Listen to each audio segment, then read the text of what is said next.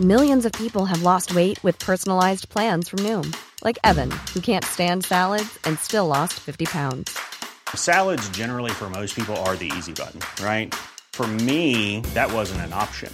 I never really was a salad guy. That's just not who I am. But Noom worked for me. Get your personalized plan today at Noom.com. Real Noom user compensated to provide their story. In four weeks, the typical Noom user can expect to lose one to two pounds per week. Individual results may vary.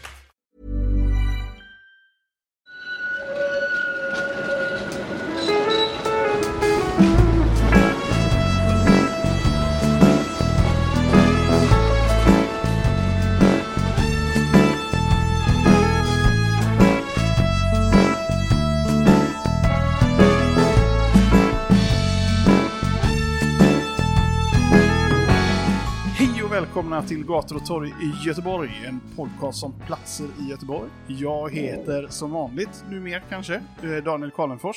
Och med mig har jag också som vanligt gymnasieläraren och Göteborgskännaren Mattias Axelsson. Men i mina kretsar så är du ju känd som experten. Jag vill kalla mig det ibland. Och eh, ja, vill, eh, vill du kalla mig expert så gör det. Det är helt okej. Jag gillar att det är som vanligt efter två avsnitt så känner du dig så trygg i rollen som programledare.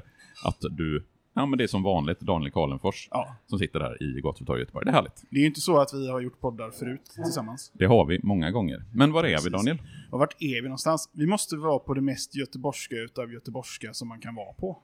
Avenyn! Ja, och inte bara på Avenyn. Vi är till och med på Jonsborgsgrillen på Avenyn som ja. väl också är väldigt göteborgskt. Det finns ju någon historia, jag tror inte att den är sann tyvärr, men att den första halvspecialen i Göteborg serverades här på Jonsborgsgrillen. Det finns flera etablissemang som brukar ta åt sig äran Mm. av att vara det första stället där en halvspecial har serverats. Men Jonsborgsgrillen är ett av de ställena. Jag Och finns, brukar, jag brukar köra det som sån partytrick, att det var jag.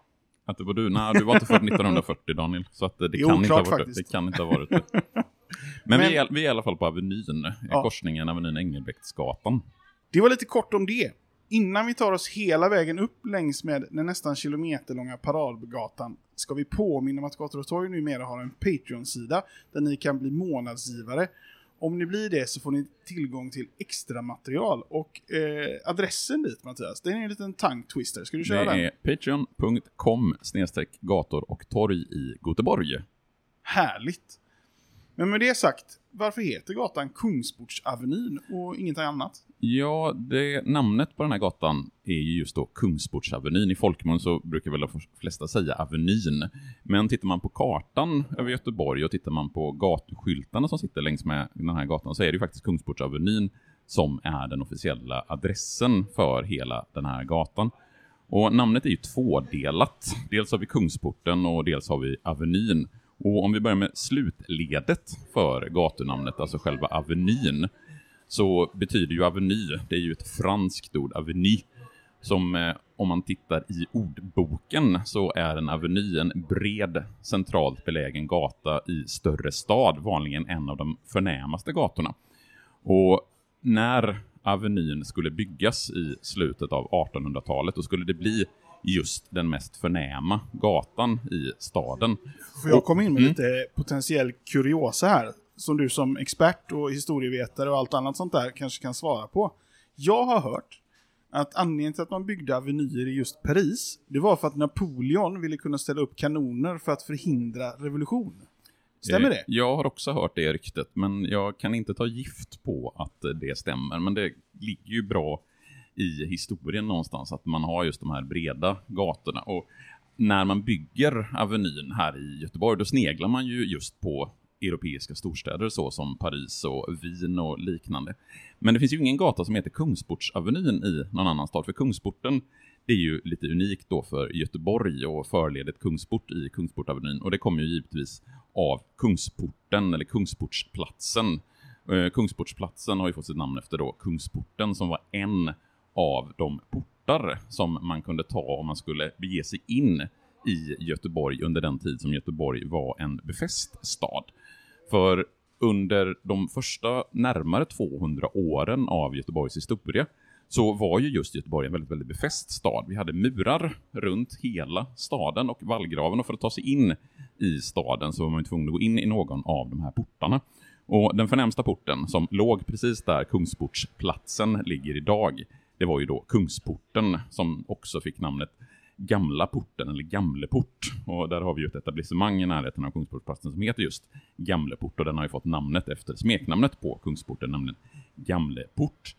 Och den här porten, den fick stå fram till ja, första halvan av 1800-talet. Jag tror att den rivs 1838, eller man beslutar i alla fall att Kungsporten ska rivas 1838. Och sen så kom ju Kopparmärra dit i början på 1900-talet, alltså till Kungsportsplatsen. Men då står den mitt i gatan på det som då är Östra Hamngatan flyttas till sin nuvarande plats Jag eh, tänker, 1935. tänker bryta in där igen. Eh, för det är ju intressant. Vi har ju pratat om en annan staty på Gustav Adolfs torg. Den statyn har en viss historia. Har Kopparmära någon historia? Ja, Kopparmärra är ju Gustav den andra Adolfs pappa. Eh, för han som sitter på statyn, alltså på hästen som dock inte är en märr utan en hingst. Men den har fått namnet Kopparmärra ändå, trots att det är en Känns jävligt göteborgskt och lite förminska sig själv. Eh, och på, alltså Karl nionde, som då är den som sitter på eh, statyn, det är då Gustav II Adolfs pappa. Och statyn är ju ett antal decennier yngre än vad Gustav II Adolfs staty på Gustav Adolfs torg är. Men sin nuvarande position så får, får den då 1935. I början på 1800-talet så river man de här befästningarna runt Göteborg. För då finns ju inte längre, anser man i alla fall, något hot om en invasion av eh, västra Sverige av Göteborg. För att anledningen till att man byggde Göteborg som en befäst stad från början, det var ju att man såg ett potentiellt hot, potentiellt hot både från danskarna i söder och norrmännen i norr. Men i början på 1800-talet så var det hotet inte alls lika stort, så man rev befästningarna. Och när man river befästningarna så öppnar ju också landskapet runt omkring staden upp sig för bebyggelse på ett helt annat sätt.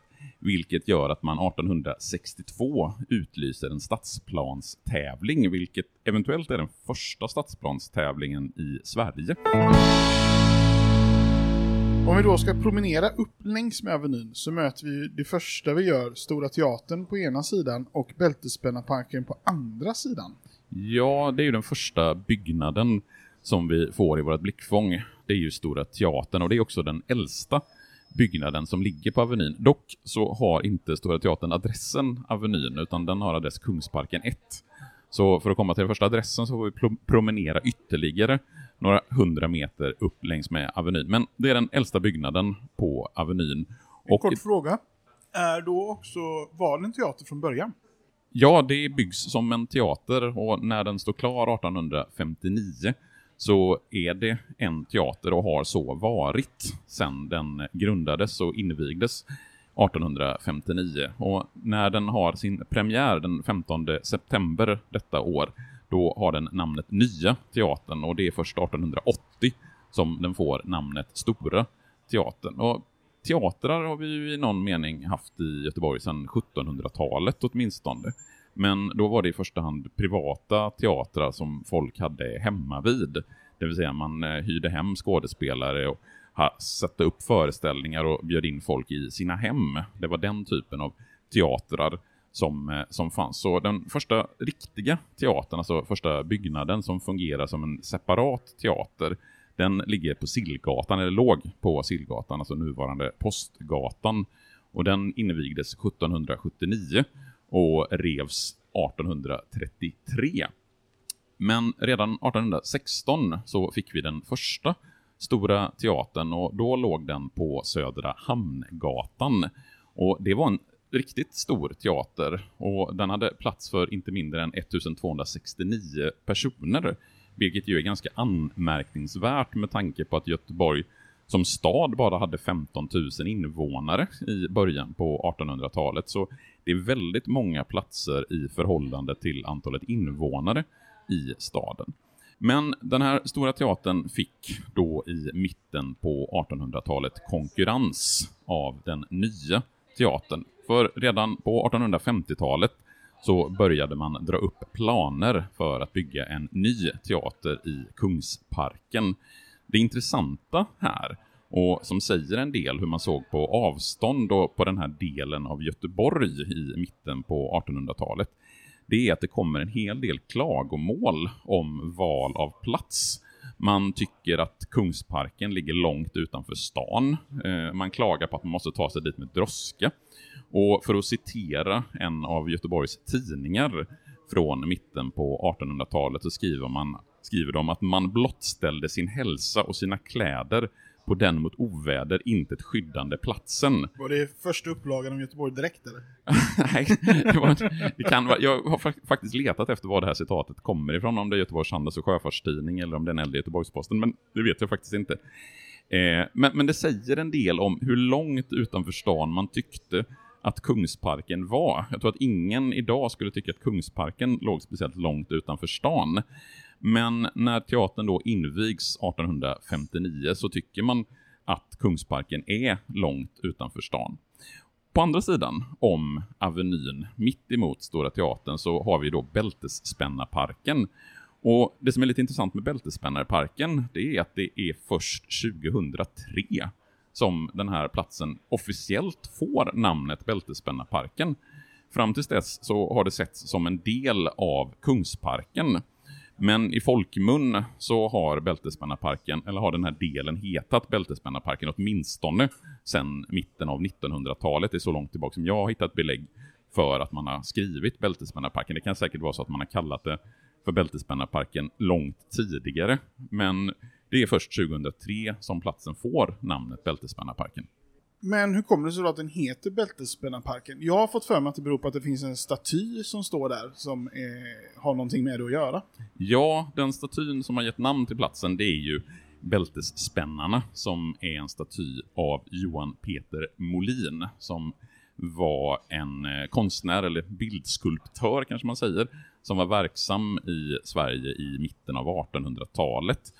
Och det som är lite spännande med just bältesspännarna, det är ju att den staty som står här i Göteborg inte är den enda varianten av den här statyn, utan vi har liknande bältesspännare i Stockholm, i Vänersborg och i Hällefors.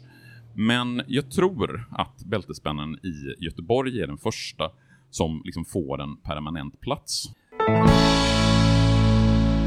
Den första varianten av den här statyn, bältespenna, som Molin gör, det är till Parisutställningen 1859. Och då gör han en variant i zink. Och sen 1862 så gör han ytterligare en ny variant i brons. Och det exemplaret skickar han till Köln. Och sen görs ytterligare ett exemplar som skickas till en konstsamlare i England och ytterligare ett som då kommer till Göteborg. Och Första varianten den sätts upp i Brunnsparken men flyttas ganska snart till Kungsparken till sin nuvarande plats. Problemet med den varianten som Molin gör för Göteborg det är att också den är i zink. Och vad händer med zink som får stå i Göteborgs havsluft? Det blir ena zinkat. Det, ja, det blir zinkat och det korroderar, vilket gör att 1872 så är man tvungen att totalrenovera den och sen 1914 så får man göra en helt ny variant och då gör man den i brons. Eh, och brons ska tydligen, nu inte jag någon expert på den här typen av material, men brons ska tydligen hålla bättre mot den göteborgska havsluften. Och den här just historien om bältesspänning, alltså den här typen av metod för att avgöra tvister mellan två personer, det ska ju gå tillbaks till medeltiden, men det finns inga säkra historiska källor som kan belägga att bältesspänning faktiskt har förekommit som en liksom, metod för att avgöra tvister mellan personer. Och sen när vi passerar då Kungsparken och Stora Teatern så är det ju en liten bit kvar där innan vi kommer upp till de stora husen. Vad är det som finns där? På vänster sida så har vi Charles Felix Lindberg som kommer promenerande i gatunivå. Och Charles Felix Lindberg, han är nog mest känd som en donator. Han har alltså bidragit med oerhört mycket pengar för att bygga olika platser och liknande här i den göteborgska miljön. Charles Felix Lindberg, han levde under 1800-talet, föddes 1840 och dog i början av 1900-talet. Den här statyn, den kom på plats först 1989. Betydligt äldre är den statyn som står på andra sidan om Avenyn, den har faktiskt stått där sedan 1899. Och när den invigdes så var det i hällande regn. Och invigningen var omgärdat med vissa problem kan man säga. Men detta är väl inte den enda invigningen som omgärdas med vissa väderproblem i Göteborg? Nej, även invigningen av Göta älvbron hade ju väldigt stora problem med vädret just. Och det är väl någonting med det göteborgska vädret som kan ställa till problem. Och det som också var lite problematiskt för den här invigningen, det var att konstnären Ingel Fallsten, som fick i uppdrag att göra den här statyn av John Eriksson, som var en industriman och uppfinnare. Ingel, som är en man, eh, han eh, fick då uppdraget att göra statyn. Sen fick han inte göra socken, utan socken som statyn står på, den gick till en annan konstnär. Och sen så beklagade sig beställarna av statyn mycket hur Ingel Fallsten byggde den här statyn, eller hur den utformade sig. De klagade på att byxorna på Jan Eriksson var skrynkliga. De klagade på att han hade en liksom, dålig hållning där han stod uppe på statyn. Och det här kan man skratta åt, men konstnären Fallsten tog så illa vid sig att han fick ett nervsammanbrott och åkte ner till Köpenhamn och tog livet av sig innan statyn än, än, ens hann invigas. Så när man tittar på Jan Eriksson så kan man ju se om man faktiskt tycker att byxorna är så skrynkliga och att gången är så krumpen som beställarna tyckte. Nu har vi kommit upp en liten bit och går vi vidare så passerar vi Parkgatan och kommer till de första husen som har adressen Kungsportsavenyn 1 och 2. Det ser ut att vara riktigt gamla hus. Ja, när man byggde Avenyn så byggde man ju det norrifrån och söderut. Så de husen som har adressen Kungsportsavenyn 1 och Kungsportsavenyn 2, då är vi ju verkligen i början av Avenyns historia. Det första huset, alltså det som ligger på höger sida om vi kommer norrifrån, det är då Kungsportsavenyn 1. Det är från 1883 och det som ligger mitt emot som då har adressen Kungsportsavenyn 2 det är från slutet av 1870-talet.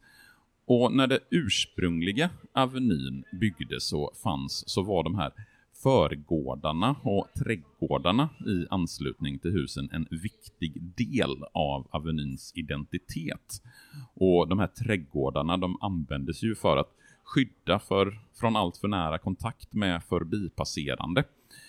Och tittar man på Avenyn idag så är det ju egentligen bara Kungsportsavenyn 1 och 2 som har kvar de förträdgårdarna. Om man nu inte tänker att uteserveringarna som vi kan se härifrån på Avenyn ska ses som någon typ av förträdgårdar. Men de här järnstaketen och trädgårdarna som är utanför Avenyn 1 och 2, det är ju en del av den ursprungliga planen för hur Avenyn skulle se ut. Och det första huset då, Kungsportsavenyn 1, det beställdes av Sveriges redarförening. Och det är ju ett väldigt elegant hus. Är, om man går in i huset och tittar på lägenheterna som ligger i huset så är det stora rum, det är högt i tak, det är stuckaturer, det är kakelugnar. Och tittar man på vilka som har funnits i huset så är det bland annat den brittiska generalkonsuln som hade sitt eh, säte i, på Kungsportsavenyn 1 under väldigt lång tid. Även Moderaterna har ju haft sitt högkvarter på Kungsportsavenyn 1. Nu tror jag att det huvudsakligen är bostäder. Tror när jag cyklade förbi så såg det ut som att det ligger en restaurang i botten på Kungsportsavenyn 1 också.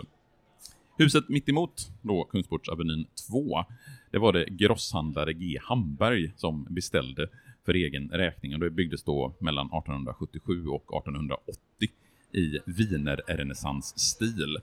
Och på 1920-talet så kom det till en restaurang på bottenplan i eh, huset på Kungsportsavenyn 2.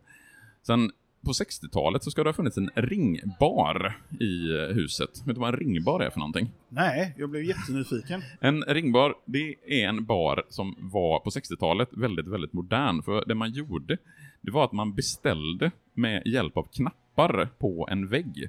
Så man behövde inte ha någon direkt kommunikation med någon servitör, utan man kom ner, så tryckte man in sin beställning på knappar och så skickades den beställningen till köket och sen kunde man hämta ut sin mat. Och på 60-talet så var ju det här någonting väldigt modernt och uppseendeväckande. Det är lite som internet fast på 60-talet. Ja, och jag kan tänka mig att, och jag har läst berättelser och beskrivningar om hur ungdomar på 1960-talet faktiskt tyckte att det här var en väldigt häftig grej och att man gick till den här restaurangen på Kungsportsavenyn två just för att kunna göra den här beställningen och knappa in Men är då ring, ringbar eh, så här att man kopplar det till telefonen, att man Jag ringer någon? tror att namnet kommer just av att man, man ringer. Det är jag Mm. inte helt hundra på liksom, varför det heter just ring. Vad det Mm. kommer. Jag gissar att det har med att man skickar en signal till köket som då förbereder ens beställning. Och idag så är det Wallenstam som har sitt kontor på Kungsportsavenyn 2. Men då har vi passerat vad man skulle kunna säga är Avenyns port, eller porten till Mm. Avenyn. Och då kommer vi till nästa stopp. Eh, och det är de två kvarteren som ligger mellan Storgatan och Vasagatan. Det är så kallade engelska kvarteret på höger sida och det franska på vänster. De ser helt olika ut varför, men också varför heter de engelska och franska kvarteren överhuvudtaget? Det beror helt enkelt på att det engelska kvarteret är byggt i engelsk stil och det franska kvarteret, om man tittar på det så tänker man det här ser inte speciellt franskt ut. Nej, det gör det inte för det är ju inte originalet som står kvar, men när det byggdes, det franska kvarteret, så var det också inspirerat av franska förebilder. Men om vi börjar med det engelska kvarteret som då ligger på höger sida och som ligger mellan adresserna Kungsportavenyn 3 och Kungsportavenyn 17, tror jag det är så är det hus som är byggt i tre eh, våningar. Och lägenheterna som fanns där när det byggdes på 1870-talet, det var då lägenheter som var i tre våningar. Så det var inte en lägenhet på varje plan, utan man hade liksom en lägenhet så hade man den lägenheten i tre våningar. Och de är då byggda efter engelsk förebild. Och tittar man på dem, de står ju, ser ju ut ungefär så som de såg ut när de byggdes. Sen har de renoverats under 1900-talet. Men i princip så är arkitekturen så som den såg ut. Och man kan tydligt se den liksom engelska stilen som är på, på huset. Och går man in på bryggeriet som ligger hörnet Avenyn Storgatan, det är alltså en pub som ligger i det här engelska kvarteret, så finns det målningar på väggarna inne på bryggeriet hur det engelska kvarteret såg ut liksom när det byggdes i slutet på 1800-talet. Och det tycker jag är väl värt att ta en liten kik där inne just på de väggmålningarna. Som Hey, I'm Ryan Reynolds. At Mint Mobile, we like to do the opposite of what Big Wireless does. They charge you a lot, we charge you a little. So naturally, when they announced they'd be raising their prices due to inflation, we decided to deflate our prices due to not hating you. That's right. We're cutting the price of Mint Unlimited from $30 a month to just $15 a month. Give it a try at mintmobile.com slash switch. $45 upfront for three months plus taxes and fees. Promo rate for new customers for limited time. Unlimited more than 40 gigabytes per month. Slows. Full terms at mintmobile.com. Burrow's furniture is built for the way you live. From ensuring easy assembly and disassembly to honoring highly requested new colors for their award-winning seating, they always have their customers in mind. Their modular seating is made out of durable materials to last and grow with you. And with Burrow, you always get fast, free shipping. Get up to 60% off during Burrow's Memorial Day sale at burrow.com slash ACAST. That's burrow.com slash ACAST. burrow.com slash ACAST. Fanns. Eh, I det här kvarteret så ligger ju också puben John Scotts. Och det kan vara intressant att nämna, även om John Scotts inte är äldre än, vad blir det, 7-8 år. Eh, puben öppnade sin verksamhet inte förrän 2013. Men namnet, det är liksom ett exempel på hur man använder sig av historia i någon form av marknadsföring. För namnet kommer från en gammal pastor, John Henry Scott, som var gift med Jacobina Scott, som var tomtägare av liksom den marken där det här kvarteret byggdes. Och hon ägde de här markerna i slutet på 1700-talen. Wolfarts ängar kallades det i slutet på 1700 en bit in på 1800-talet. Så puben John Scott har alltså tagit sitt namn efter den pastor som var gift med den kvinnan som ägde markerna där det här kvarteret stod. Och tittar vi då på andra sidan om Avenyn så är vi på då Avenyn 4 till 14. Och från början, de husen som byggdes först, de är ungefär samtida med det engelska kvarteret som är mitt emot. Det franska kvarteret byggdes mellan 1875 och 1878 ungefär. Sen kommer vi ju till det som har satt sin ganska tydliga prägel på Kungsportsavenyn under 1900-talet, nämligen rivningarna. För mycket av den ursprungliga bebyggelsen på Kungsportsavenyn finns ju inte kvar, utan har i olika omgångar rivits ner. Och tittar man på hörnhusen på det franska kvarteret, så rivs de på 1930-talet. Och det betyder ju att de hus som byggs där istället blir så kallade funkishus. Eh, de husen som är i hörnet på det här kvarteret, de kommer 1939 och 1940. Och huset i mitten på kvarteret, det är representant för en annan epok, nämligen 60-talet. För 1969 tror jag det är man river mittenkvarteret. Och så bygger man ett hotell som jag tror sätts upp någonstans i början på 1970-talet. Så där kan man tydligt se att vi har dels funkishusen på varsin sida och sen så har vi 60-70-talshus i mitten på det här kvarteret. Och nu kommer vi till korsningen Avenyn Vasagatan där några av spårvagnslinjerna svänger åt höger. Hur länge har det funnits spårvagnar längs med Avenyn? Och är spårvagnar en konsekvens av att folk gnällde på att det var så långt att gå? Nja, jag vet inte om eh, spårvagnarna kommer till för att människor tyckte att det var långt att gå, men spårvagnarna är ju en del av den göteborgska kollektivtrafiken och har varit så sedan 1879. För 1879 så dras den första spårvagnslinjen mellan Brunnsparken och Stigbergsliden. Och då är det fortfarande hästdragna spårvagnar som vi har att göra med.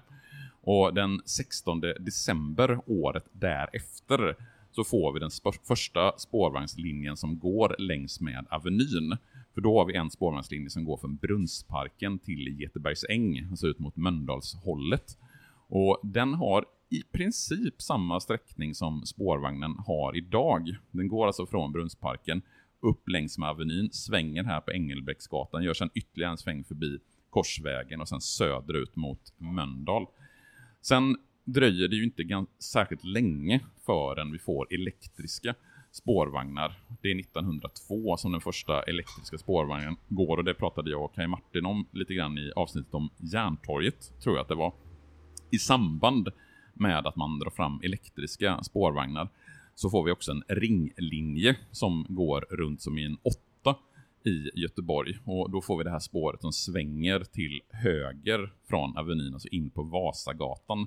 Den spårvagnssträckning som vi har idag. Och den linjen som gick från eh, Brunnsparken ut till Getebergsäng, den drogs vidare till Majorna. Så i början på 1900-talet så hade vi en grön linje som gick från Majorna via Brunnsparken upp längs med Avenyn och sen ut till Getebergsäng. Och idag så har vi ju ungefär samma spårvagnssträckning som vi hade i början på 1900-talet. Man kan ta spårvagnen från Brunnsparken, svänga av på Vasagatan eller fortsätta, vad blir det, söderut mot Mölndal på den här spårvagnslinjen. Husen på vänster sida när vi passerat Vasagatan ser också ut att vara äldre. Varför inte det rivna under hysterin på 60-talet att riva allt gammalt? Ja, det fanns ju långt gångna planer i mitten på 1960-talet att faktiskt riva även det här kvarteret, alltså Kungsportsavenyn 16 till 22. Men som tur är, om vi nu gillar gamla hus, vilket jag åtminstone gör, så stoppades de här rivningarna, vilket gör att Kungsportsavenyn 16 till 22, det är det enda bevarade hela kvarteret som har en obruten 1880-tals karaktär i fasaden. 1965 så lämnades det in en rivningsansökan. Man ville alltså ta bort de här husen. Och då ska man ju komma ihåg, det är ju lätt att man sitter här och vurmar för den gamla bebyggelsen. Att de här husen då, de är byggda på 1880-talet. De var, vad blir det, närmare 100 år när vi kommer fram till 1965. Och de var dåligt underhållna, det var låg kvalitet på husen. Så det är inte helt irrationellt att tänka sig att man river husen.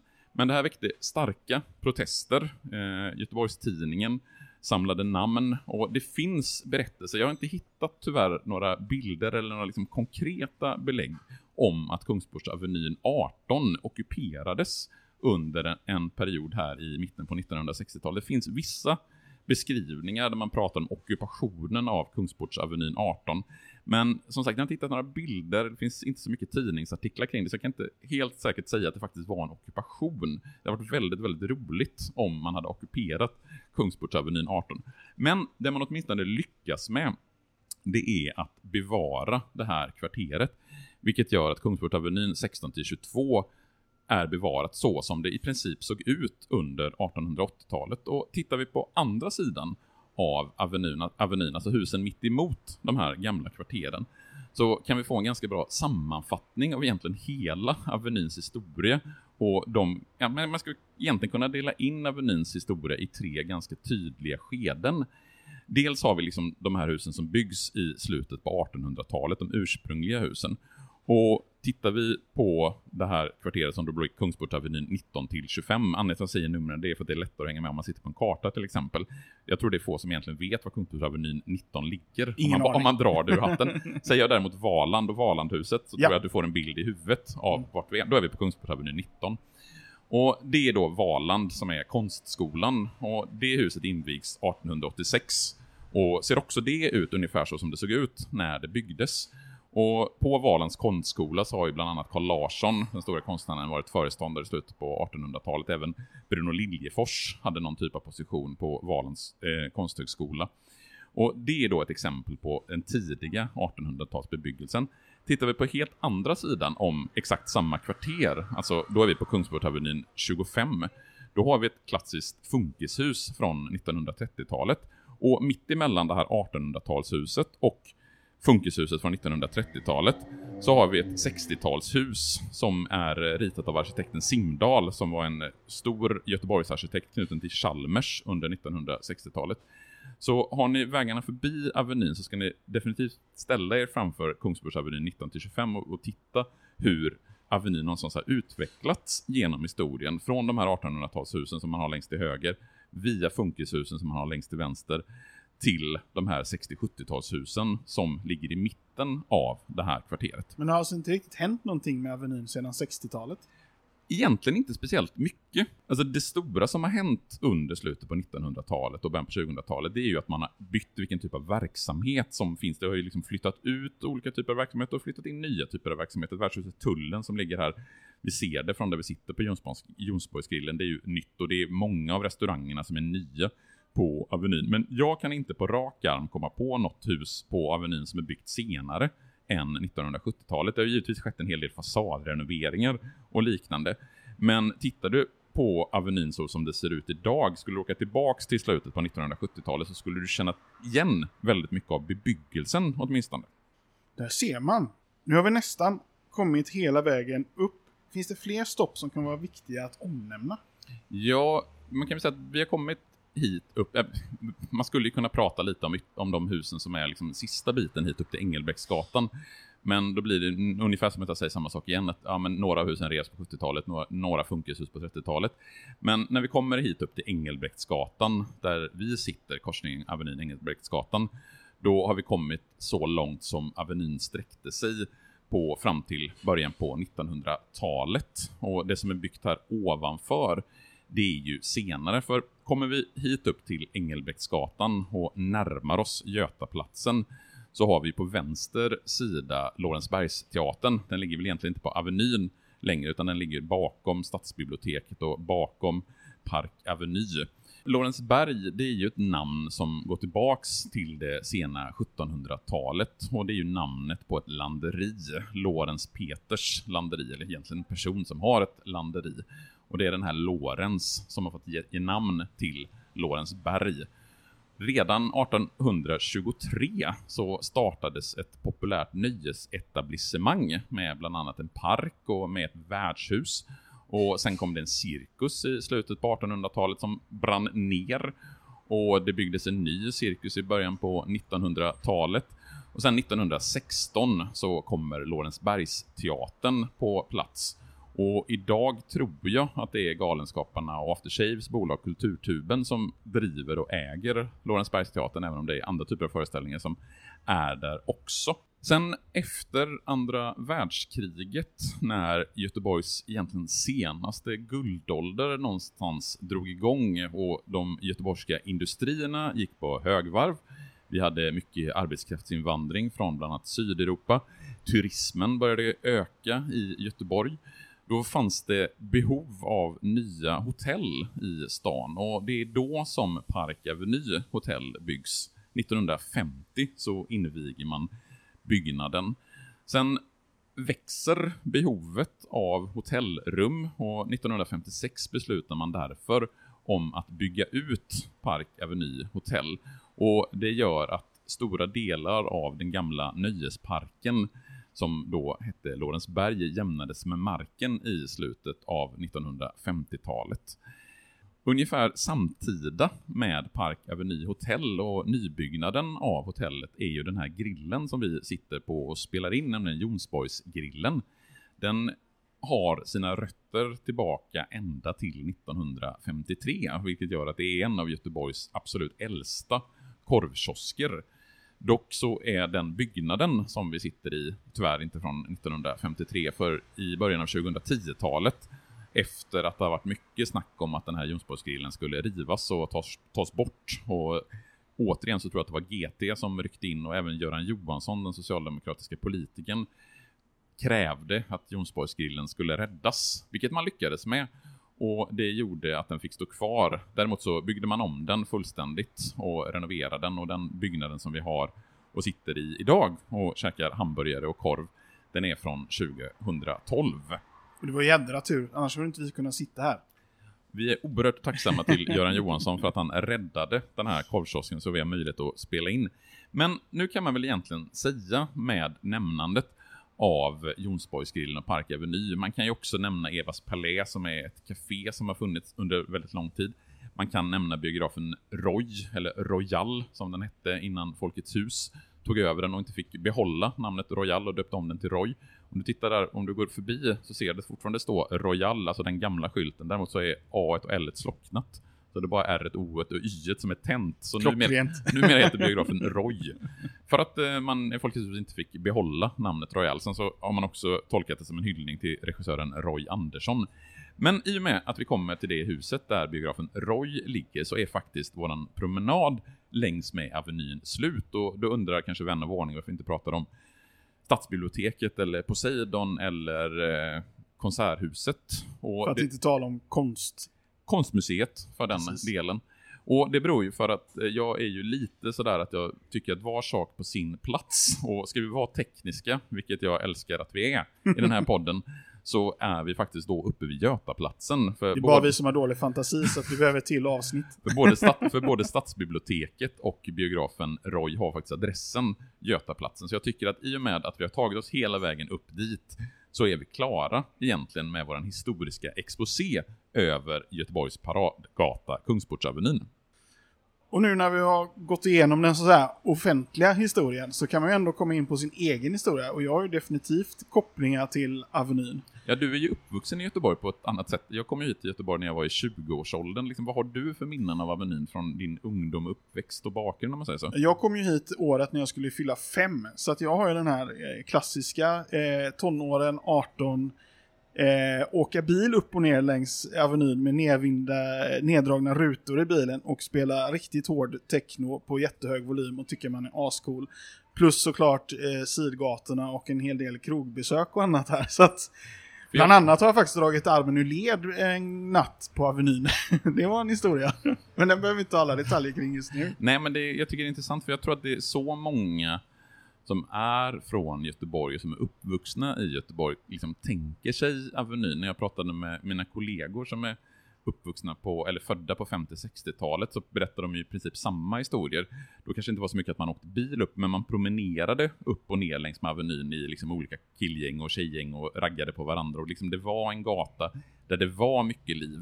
Och det kan man ju säga att det väldigt tydligt fortfarande är. Mm. Det är en gata med väldigt mycket krogar, väldigt mycket restauranger det är krogar och restauranger som, och när det inte är coronatider, har öppet länge. Mm. Och det är en gata där det är mycket folk, framförallt på helger. Men jag kan ju också lägga till att jag själv upplever att jag lite har eh, växt bort från Avenyn. Jag skulle inte gå hit och, och dricka så som jag gjorde förut. Nej. Så som är det en väldigt tydlig koppling att det är ungdomar som hänger här i, i, större utsträckning. Jag tror dels att det är mycket ungdom, att det är en ungdomsgata, eller unga vuxna. Du och jag är ju tyvärr inte 40, unga vuxna. Vi är 40 plus båda två, så det kanske inte är liksom vi som är den huvudsakliga publiken.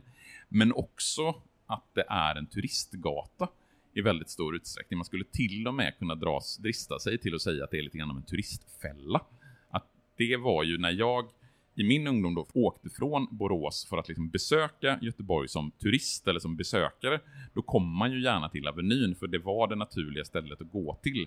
Och det var hit man liksom gick på restauranger. Jag kände ju inte till Långgatorna, jag kände inte till Linnégatan, jag kände inte till Majorna. Utan däremot så kände jag ju till Avenyn mm. när jag kom som besökare från Borås.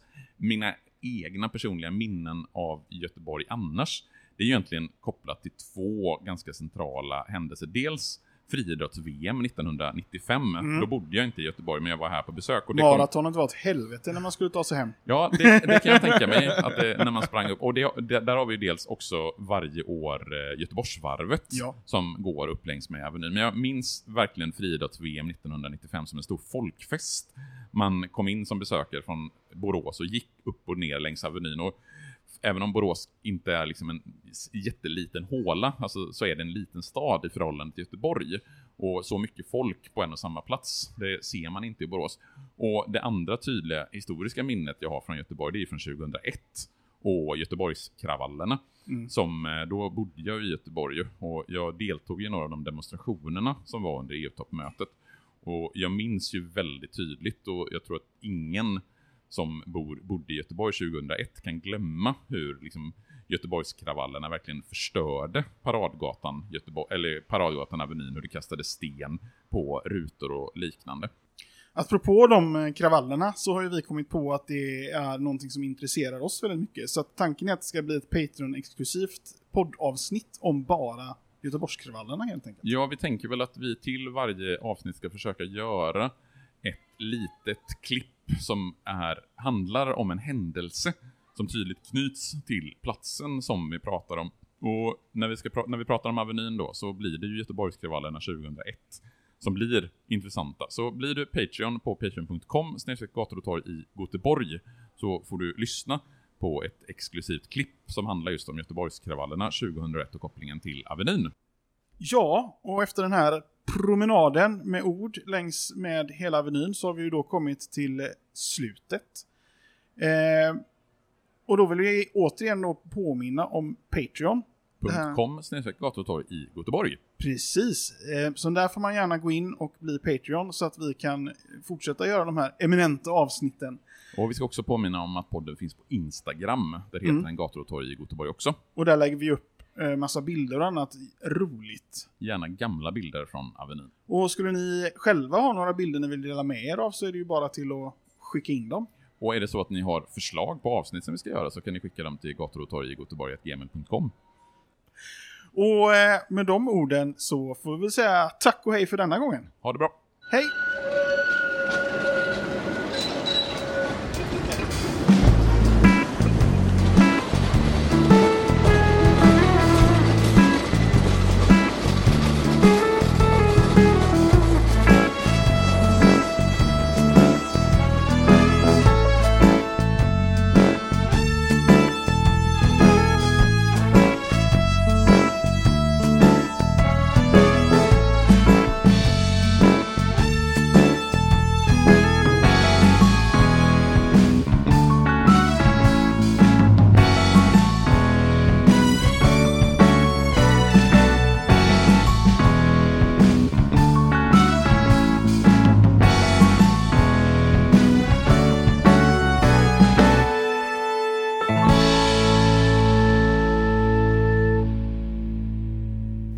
Gator och torg i Göteborg produceras av Reostat Media AB.